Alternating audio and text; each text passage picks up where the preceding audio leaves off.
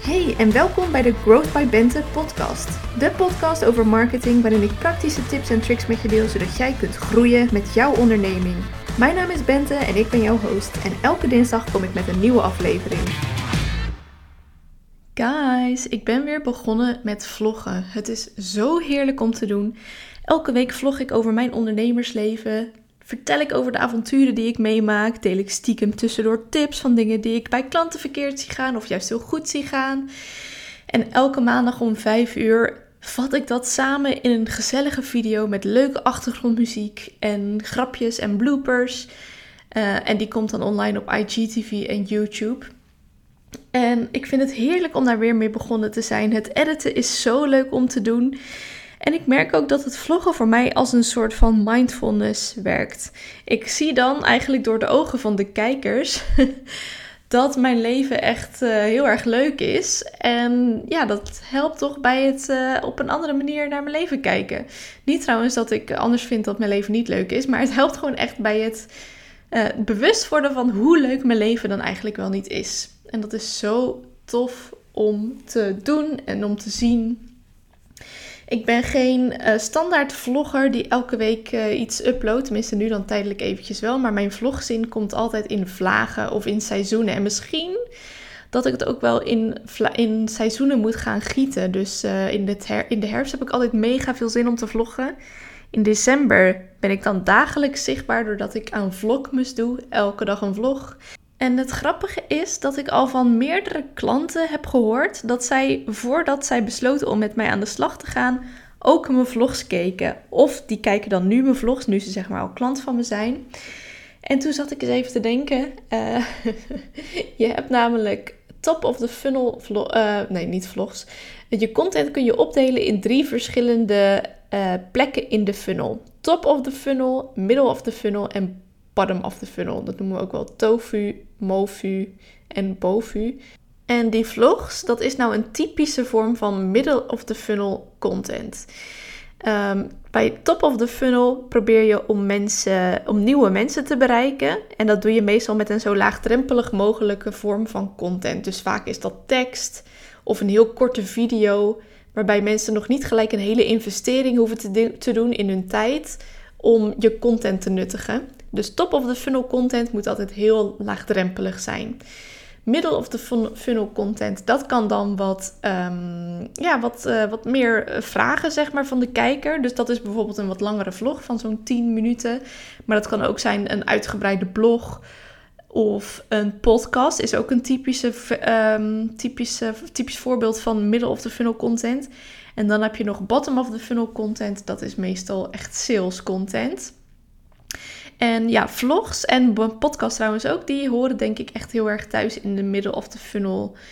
Uh, in, ja, in die, uh, in die fase. En um, ik zat nog even te denken van hoe kan ik nou mijn uh, vlogavontuur verwerken in een podcast. en het leek me leuk om jou eens te vertellen over het belang van video. Video is geweldig. Ik raakte geïnspireerd voor het onderwerp van vandaag doordat ik een oude reel van mezelf terugkeek, waarin ik zei um, dat video zo ongeveer de meest authentieke contentvorm is die er is. Een tekst kun je natuurlijk heel makkelijk kopiëren en plakken. Um, en daarnaast kan een tekst ook op meerdere manieren gelezen worden. Een video is alweer een stuk rijker, doordat je niet alleen jouw gezicht ziet terwijl je aan het kletsen bent, maar je hoort ook je intonaties, je ziet je emoties en niemand heeft jouw stem, niemand heeft jouw gezicht en daarom is video echt de meest unieke en meest rijke manier eigenlijk om te communiceren met je klanten. En binnen video heb je dan ook weer, weer verschillende gradaties. Zo is live video nog rijker, omdat er dan bijvoorbeeld geen uh, edit mogelijkheden zijn. Maar um, nou ja, goed. Over het algemeen is video echt de meest rijke vorm van content. En daarom is het heel erg belangrijk dat jij daar ook mee aan de slag gaat. Dus ik weet niet in welke fase jij nu zit van je ondernemen en van, van je onderneming en van zichtbaar zijn. Ben je al ontzettend zichtbaar of ben jij nog zo iemand die echt over de zichtbaarheidsdrempel getrokken moet worden? Nou, no worries. Je bent echt niet de enige die nog over die zichtbaarheidsdrempel heen moet stappen. Er zijn ontzettend veel ondernemers die hier tegenaan lopen te hikken. Ehm, in de eerste fase ben je überhaupt bang om een, uh, een, een foto van jezelf te plaatsen met een tekst erbij, omdat alles, alle content die je dan plaatst heel erg voelt als zelfpromotie. Nou, nieuwsflash. Als je wilt gaan ondernemen, is het belangrijk dat mensen je kennen. Want als ze je niet kennen, dan kunnen ze ook niet voor je kiezen. Dus het is gewoon heel erg belangrijk dat je op een manier zichtbaar wordt. En ik help jou om te bepalen welke manier het beste bij jou past. Dus met welke contentvorm jij het beste uit de verf komt. En eigenlijk um, stimuleer ik al mijn klanten om ook een videovorm te kiezen in hun zichtbaarheidsstrategie omdat, nou ja, om al die redenen die ik net noemde, dat video echt een heel rijk medium is. En omdat mensen jou dan op een veel sneller tempo jou beter leren kennen, waardoor ze eerder zullen worden klaargestoomd voor een aankoop. En daarnaast is video natuurlijk ook veel, uh, of wordt het steeds laagdrempeliger om een goede video te maken. Een story op Instagram bijvoorbeeld is zo gemaakt. Um, en ja, dat is dus uh, aan de andere kant ook heel erg fijn. Dus in die eerste fase van het ondernemen en van het zichtbaar zijn voelt alles als zelfpromotie. En als je dan over die eerste drempel heen bent gestapt, dat je het niet meer eng vindt om teksten te plaatsen en foto's van jezelf, eh, dan is eigenlijk de volgende stap daar. En dat is dat je wat rijkere content gaat delen en dat je hopelijk dus aan de slag gaat met video. Nou, in deze podcastaflevering deel ik een aantal tips met je om makkelijker en authentieker en zelfverzekerder op video te verschijnen. Are you ready to show yourself on camera? Lights, camera, action and let's go. En die eerste tip is: praat niet tegen een camera. Praat ook niet tegen een groep met volgers, maar praat alsof je tegen een vriendin praat. Neem een vriend of vriendin in gedachten, of een familielid of een zus, of uh, nou dat is een familielid, maakt niet uit. Neem iemand in gedachten tegen wie je altijd alles kunt zeggen. Iemand die mega supportive is, die altijd achter je staat, die je altijd toejuicht. En neem die in gedachten terwijl je een video opneemt. Je zult merken dat als jij dus kletst alsof je tegen een vriendin kletst, dat je veel authentieker en veel normaler op camera verschijnt. Want ik weet niet hoe dat bij jou zit. Ik heb een enorm lange periode gehad Waarbij als ik een camera zag, dan trok ik een gekke bek. Vond ik gewoon leuk. Uh, achteraf had ik dan altijd spijt, want dan zag ik foto's langskomen waarvan ik dacht van, my lord, waarom? Waarom moet ik toch altijd mijn meest achterlijke gezicht trekken als er een camera in de buurt is? Um, dus nou ja, op dat moment um, vond ik het grappig. Achteraf, als ik dan de foto's zag, dacht ik, why? En waar ga ik heen met dit verhaal? Ja, het gaat er een beetje naartoe dat um, je altijd geneigd bent dat als er een camera op je staat, dat je een soort van typetje gaat doen of zo.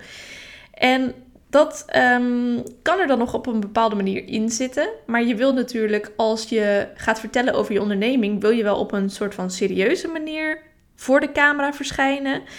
En dan ga je daar ook weer een typetje van maken. Maar don't do that. Neem een vriend of vriendin in gedachten en praat tegen de camera alsof je tegen die vriend of vriendin praat. Een bijkomend voordeel van doen alsof je tegen een vriend of vriendin praat, is dat je je camera ook zal aanspreken in enkelvoud. Wat ik nog veel te vaak zie is: uh, wat vonden jullie? Of uh, hey, hey, wat leuk dat jullie weer kijken naar deze story. Terwijl, hoe zou jij het vinden als ik in deze podcast jou de hele tijd jullie zou noemen? Hey, wat leuk dat jullie weer luisteren naar de Growth by Bente podcast. Jij bent helemaal geen jullie. Jij zit alleen te luisteren en jij zal je ook waarschijnlijk minder aangesproken worden voelen uh, als ik jou jullie zou noemen. Dus spreek ook in enkelvoud naar je kijkertjes, naar je volgertjes. uh, gebruik het woord jij in plaats van jullie. Of jou in plaats van uh, jullie ze. De tweede tip is: authentieker is beter. Als je dan eenmaal op video gaat verschijnen, dan heb je vaak in het begin, trust me, I've been there, de neiging om 100.000 opnames te maken voordat je iets plaatst. Want het licht viel, net niet goed. Of je zei een keer uh, of je moest niezen, of uh, je moest hoesten, of uh, er was iets anders. Je zat aan je neus, weet ik het allemaal. Terwijl jouw video hoeft niet perfect. Perfectie bestaat niet. Perfect bestaat niet. En hoe meer je jezelf bent, hoe leuker mensen dat vinden. Sterker nog, hoe meer fouten je maakt, hoe meer je e zegt bijvoorbeeld. Alhoewel, er zit wel een soort van uh, maximum aan, vind ik zelf. Een soort van irritatiegrens. Maar goed, dat laten we voor nu even los. Voor nu is het het belangrijkste dat jij op video gaat verschijnen. En um, hoe meer fouten je daarin maakt, of hoe meer je laat zien dat het ook fout gaat, hoe meer relatable je bent. Dat is namelijk ook heel erg belangrijk. Je wil niet dat je klanten jou op een of ander voetstuk zetten. Zo van, oh, dat is het perfecte, uh, de, de perfecte, weet ik het, uh, ondernemer in jouw vakgebied. Die uh, zal nooit fouten maken. Terwijl juist door fouten te maken en door je fouten toe te geven en je fouten te laten zien en te laten zitten in je content, zullen mensen zich meer in jou herkennen. En dat is wat je wil. Want herkenbaarheid, dat zorgt ervoor dat mensen jou leuk gaan vinden. Ik doe dat bijvoorbeeld door mijn stories, nou ja, totaal niet perfect te maken. Ik neem gewoon uh, iets op en dat plaats ik. Of het nou precies past in die 15 seconden. Of ik nou goed uit mijn woorden kwam of niet. I don't care. Ik zet het er gewoon op. Anders kost het je ook nog eens veel te veel tijd. En bijvoorbeeld in mijn YouTube-video's sluit ik altijd af met een aantal bloopers. Met stukjes video waarin, ik, uh, nou, waarin er iets valt, bijvoorbeeld. Of waarin ik me totaal verspreek. Of waarin er sowieso iets grappigs gebeurt. Hoe authentieker je bent op video, hoe sneller mensen zich met jou zullen kunnen relaten en hoe sneller je klanten aantrekt. En de laatste tip die ik vandaag voor je heb is practice makes progress. Ik heb laatst een leuke exercise gedaan, die misschien ook leuk is voor jou, waarbij ik helemaal in, uh, op Instagram bij mijn stories ben teruggescrolld naar mijn allereerste story die in mijn archief was opgeslagen. En toen ben ik mijn hele progress gaan bekijken. Dus ik ben, uh, ik ben gewoon begonnen bij die eerste story en ik heb helemaal doorgetikt en gekeken tot aan nu. En de groei die ik heb meegemaakt was zo leuk om te zien. Bijvoorbeeld de eerste stories die ik maakte, daarin sprak ik met een heel hoge stem. Dus eigenlijk hadden we het er net een beetje over, hè, dat je een soort van typetje gaat doen voordat je, uh, als je voor de camera verschijnt. Nou, ik had dus ook echt een typetje, blijkbaar. En dat typetje had een enorm hoge stem. Dus dan zei ik weer, nou, ik ga naar kantoor en uh, fijne dag. Terwijl, nou, zo erg was het ook weer niet hoor trouwens. Maar het was in ieder geval veel hoger dan hoe ik nu praat. En ja, het viel dus echt op dat ik, dat mijn stories in het begin, dat die, nou ja, totaal anders waren dan de stories die ik nu maak. En dan heb ik nu het idee dat ik nu veel authentieker ben. Dus dat is heel fijn. Dus dat is een leuke tip voor jou ook uh, on the side. Om lekker eens je oude stories te gaan terugkijken. Om te zien of je daar ook zo'n groei in zit, ziet. Dus om te kijken of, daar, uh, ja, of jouw progressie duidelijk is. Want practice makes progress. En wat ik daar dus eigenlijk mee wil zeggen is: je kunt beter nu beginnen dan morgen. Want hoe sneller je begint, hoe sneller je zult groeien. En hoe sneller je stories, je video's, je vlogs, whatever je dan ook gaat doen, beter zullen worden.